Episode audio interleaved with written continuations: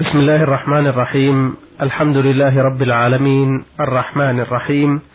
والصلاة والسلام على أشرف الأنبياء والمرسلين نبينا محمد وعلى آله وصحبه أجمعين. أيها الإخوة الأعزاء سلام الله عليكم ورحمته وبركاته. وحياكم الله معنا اليوم في لقاء جديد مع رسائلكم التي يسرنا أن نعرضها على فضيلة الشيخ عبد العزيز بن عبد الله بن باز. الرئيس العام لإدارات البحوث العلمية والإفتاء والدعوة والإرشاد. فيسرنا في بداية هذا اللقاء أن نرحب بفضيلته أجمل ترحيب وأن نعرض أولى الرسائل والتي كنا قد استعرضنا سؤالا مما ورد فيها وهي من المستمع جهاد رشيد من العراق محافظة التأميم ووعدناه بأن نعرض سؤاله الآخر ويقول فيه يقولون إن الإسلام قد ظلم المرأة في إعطائها حقوقها والإسلام يفضل الرجل على المرأة. كقوله تعالى الرجال قوامون على النساء. فهل معنى هذه الآية تفضيل الرجال على النساء؟ وأرجو أن توضحوا قضية المرأة وحقوقها ومكانتها في الإسلام. بسم الله الرحمن الرحيم. الحمد لله صلى الله وسلم على رسول الله.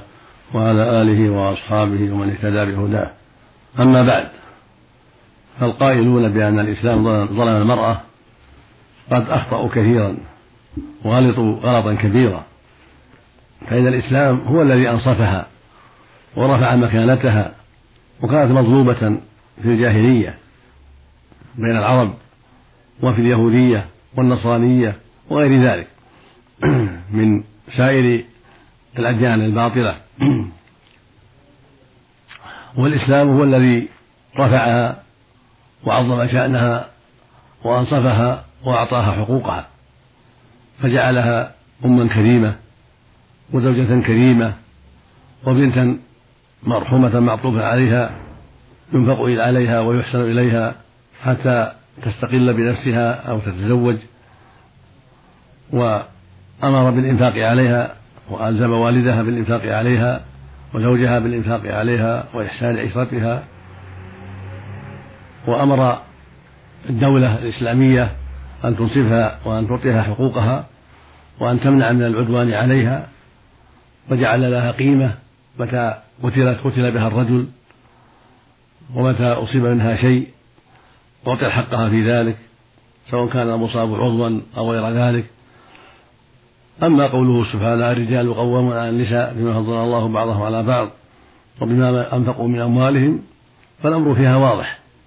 الله سبحانه فضل الرجال على النساء لأن جنس الرجال أقوى في الجملة على أداء الحقوق وعلى جهاد الأعداء وعلى ردع الظلم وعلى الإحسان إلى الأولاد والنساء وحمايتهم من الأذى والظلم إلى غير هذا من مما هو معروف.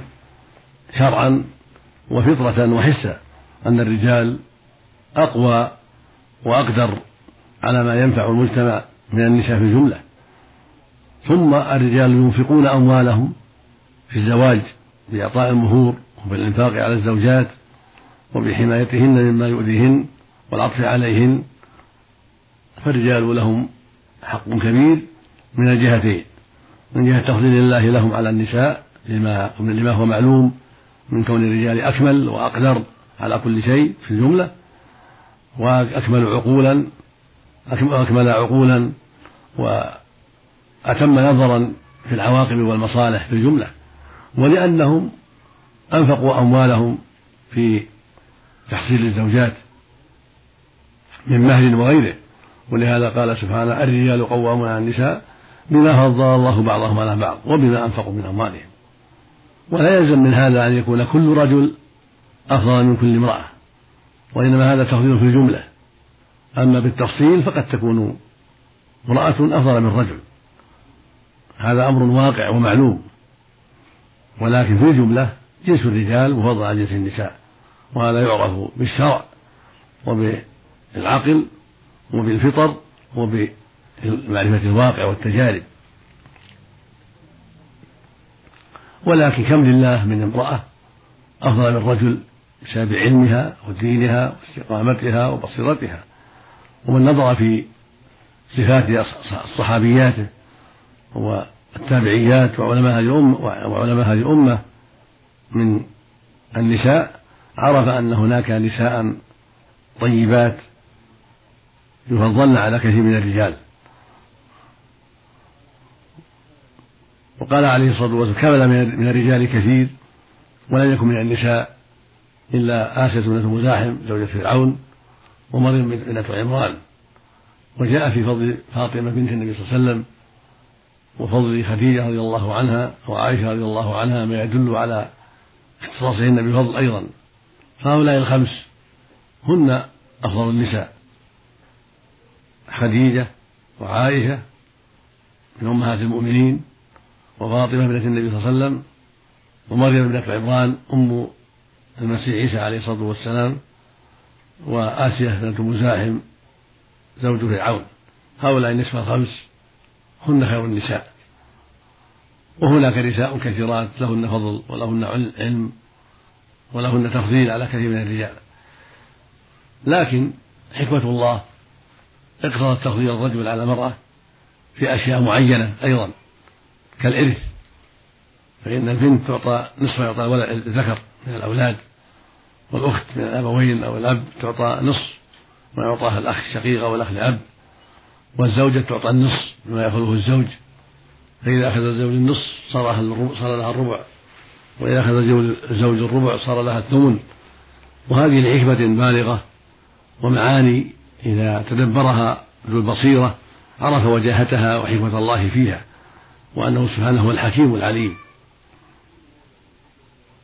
فكل موضع فضل فيه الرجل على المرأة فله وجاهته وله أسبابه وله حكمة لمن تدبر وتعقل. والله المستعان. نعم. أحسن الله إليكم. هذه رسالة من الأخت عين شين مصرية مقيمة بمكة المكرمة. تقول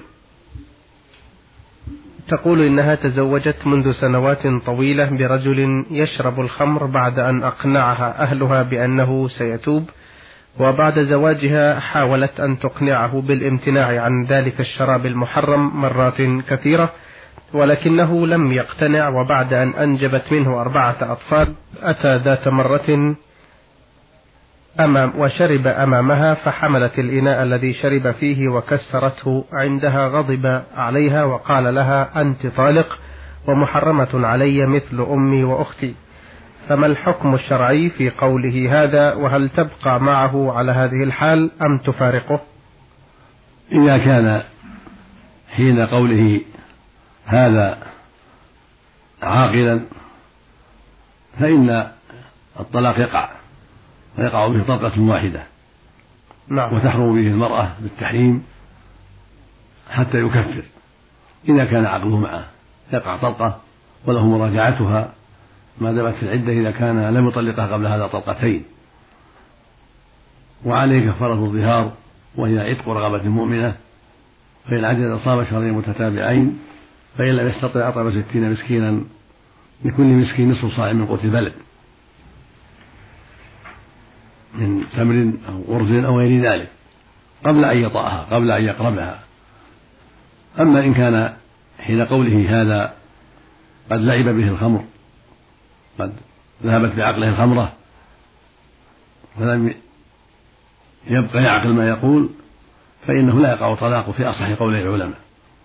كما أفتى بذلك عثمان بن عفان الخليفة الراشد رضي الله عنه وذهب إلى قوله جماعة من أهل العلم وهو الصواب. وهكذا لا يقع تحريمه ولا يؤثر لأنه صدر من غير عاقل والأحكام مناطة بالعقل فمتى عرفت السائلة منه أنه ذاك الوقت ليس في عقله فإن هذا الطلاق وهذا التحريم لا لا يعول عليهما وهي زوجته وبقى في عصبته. أما إن كان عاقلا وليس متغير متغيرا بسبب الخمر فإن الطلاق يقع كما تقدم طلقة واحدة وله المراجعة ما دام لم يطلقها قبل هذا طلقتين وعليه كفارة الظهار كما تقدم. اللهم إلا أن تكون حال إيقاع الطلاق في طهر جامعها فيه أو في نفاس أو في حيض فإنه لا يقع على الصحيح. وبه قال جمع من أهل العلم. وثبت عن ابن عمر رضي الله عنه ما يدل على ذلك. لحديث ابن عمر ثابت في الصحيحين أن النبي صلى الله عليه وسلم لما بلغه أن ابن عمر طلق امرأته وغضب وأنكر عليه وأمره بمراجعتها فإذا طهرت من الحيضة التي بعد الحيضة التي طلقها فيه فيها فإنه بعد ذلك إن شاء طلق وإن شاء أمسك قبل أن يمسها. إن شاء طلق قبل أن يمسها وإن شاء أمسك. وفي لفظ قال له فليطلقها طاهرا أو حاملا يعني بعد طهرها من حيضتها التي طلق فيها ثم بعد طهرها من حيضة أخرى وهذا القول نصره جماعة من العلم منهم شيخ الإسلام ابن تيمية رحمه الله والعلامة ابن القيم رحمه الله. ويدل عليه قوله عليه الصلاة والسلام من عمل عملا ليس عليه أمره رد. وهذا عمل ليس عليه أمر النبي صلى الله عليه وسلم بل هو خلاف الشرع. فإن السنة أن يطلق الزوج زوجته طائرة من غير جماع. أما طلاقها في الحيض أو في النفاس أو في طول جامعها فيه وهي ليست حاملا فإنه طلاق بدعة. لا يقع على الصحيح لجمع من أهل العلم كما تقدمت الإشارة إلى ذلك. نعم. لكن هل الأفضل لها أن تعيش مع هذا الزوج المدمن لهذا الشراب أو تفارقه؟ هذا محل نظر. نعم. إن رأت أن المصلحة تقتضي بقاءها معه ونصيحته. لأنها في ضرورة إليه لحفظ أولاده والإنفاق عليها ورجت أن الله ينفعه بكلامها ونصيحتها فهذا قد يكون أولى لئلا تضيع.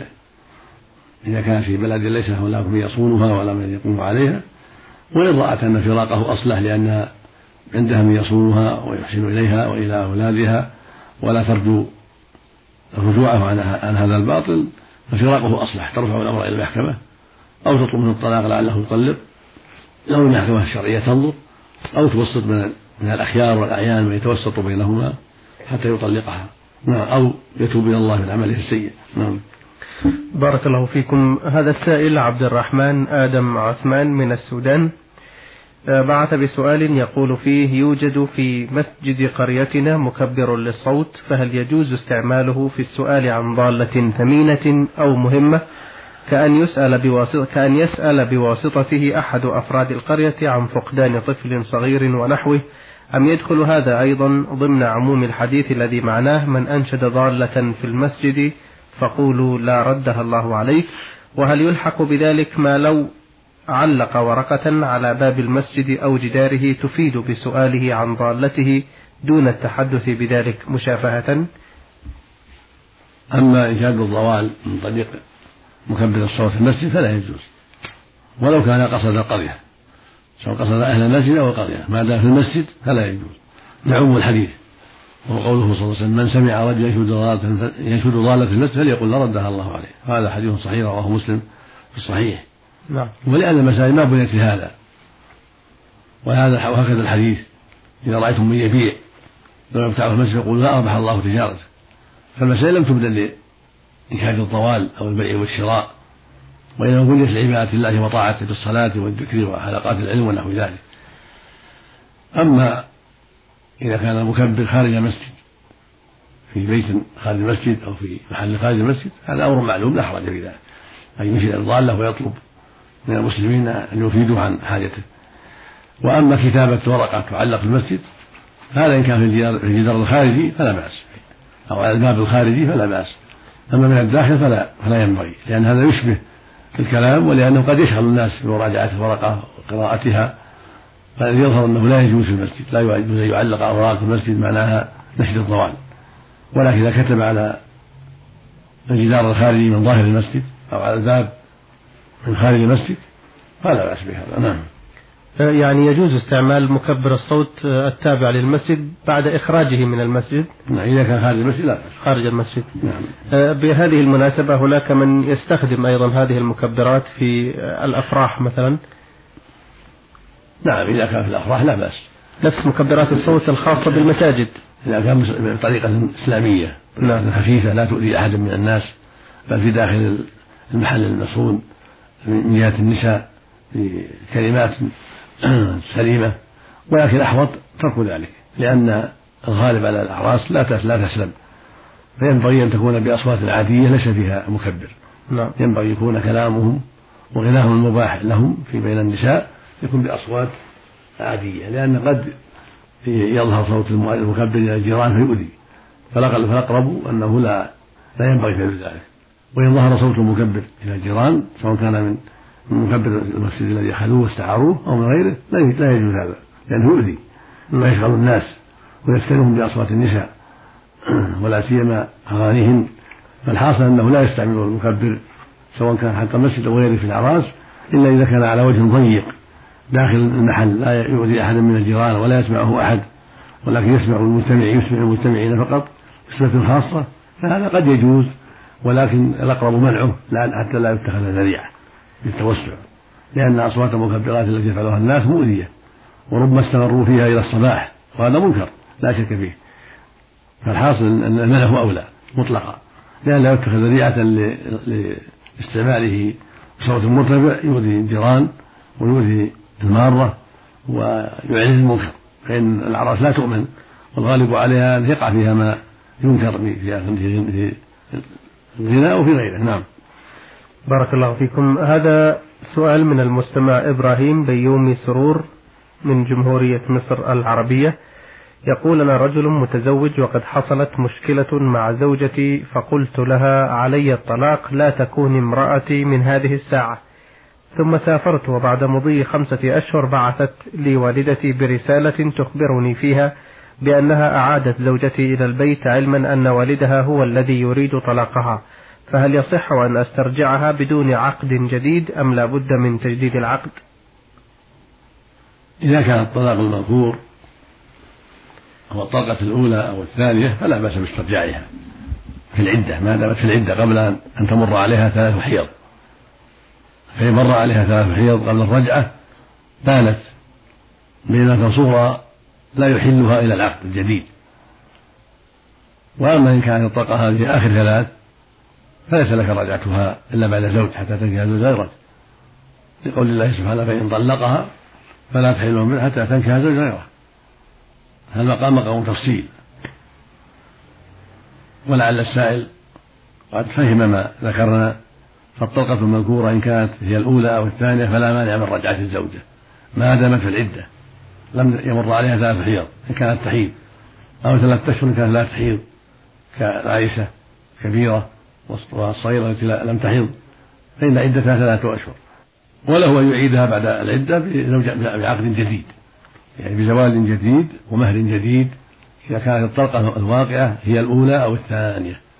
أما إن كانت الطلقة الواقعة هي الثالثة فإنها تحرمها عليه تحريما معلقا بزواجها شخصا آخر ويطأها ثم يطلقها بموت أو ثم يفارقها بموت أو طلاق. لكن لا بد يكون الزواج شرعيا أيضا زواج جديد شرعيا. فإذا زوجها محل لا يجوز ولا تحل. لا بد يكون الزوج الذي ينكحها بعد الطلقة الثالثة زوجا شرعيا أراد أراد الرغبة فيها إن أثبته ولم يريد تحليلها للسابق ولا بد أيضا من كونه يطأها. فلو طلقها أو مات عنها قبل أن يطأ لم تحل للزوج الأول. ويراعى في هذا ما تقدم. إذا كانت الطلقة في قهر جامعها فيه أو في حيض أو نفاس لم تقع على الصحيح. أما إن كان طلقها وهي حامل أو في ما جامعها فيه فإن الطلقة تقع سواء كانت أولى أو ثانية أو ثالثة. نعم. هو يقول إن والدته استرجعتها بعد مضي خمسة أشهر. فمعنى هذا إذا كانت من اللواتي لا يحضن فتكون قد خرجت من العدة. إذا كان بعد خمسة أشهر نعم. نعم. قد خرج العدة بلا, بلا شك يقينا. نعم. أما التي تحيض فيحتمل أن تكون مرت عليها ثلاث حيض وهو الغالب يحتمل أنها لم تمر عليها الحيضة الثالثة لأن بعض الحيض قد يتأخر. بعض النساء قد تأخر يتأخر حيضها عدة أشهر أو سنة. نعم. فإذا كان تأخر عليها الحيض أو تأخرت الحيضة الثالثة بعد الأشهر الخمسة فله الرجع إليها نعم نعم وإذا العبرة بالحيض لا بمرور الأشهر أو بعدد الأشهر. إذا كانت تحيض. إذا كانت تحيض. نعم. جزاكم الله خير الجزاء. أيها الإخوة الكرام عرضنا رسائلكم في لقائنا اليوم على فضيلة الشيخ عبد العزيز بن عبد الله بن باز الرئيس العام لإدارات البحوث العلمية والإفتاء والدعوة والإرشاد. وقد أجاب مشكورا عن أسئلة الإخوة جهاد رشيد من العراق محافظة التأميم. والأخت عين شين مصرية مقيمة بمكة المكرمة والأخ عبد الرحمن آدم عثمان من السودان والأخ إبراهيم ديومي سرور من جمهورية مصر العربية. أيها الإخوة الكرام إلى أن نلقاكم في حلقة قادمة إن شاء الله. نستودعكم الله تعالى والسلام عليكم ورحمة الله وبركاته.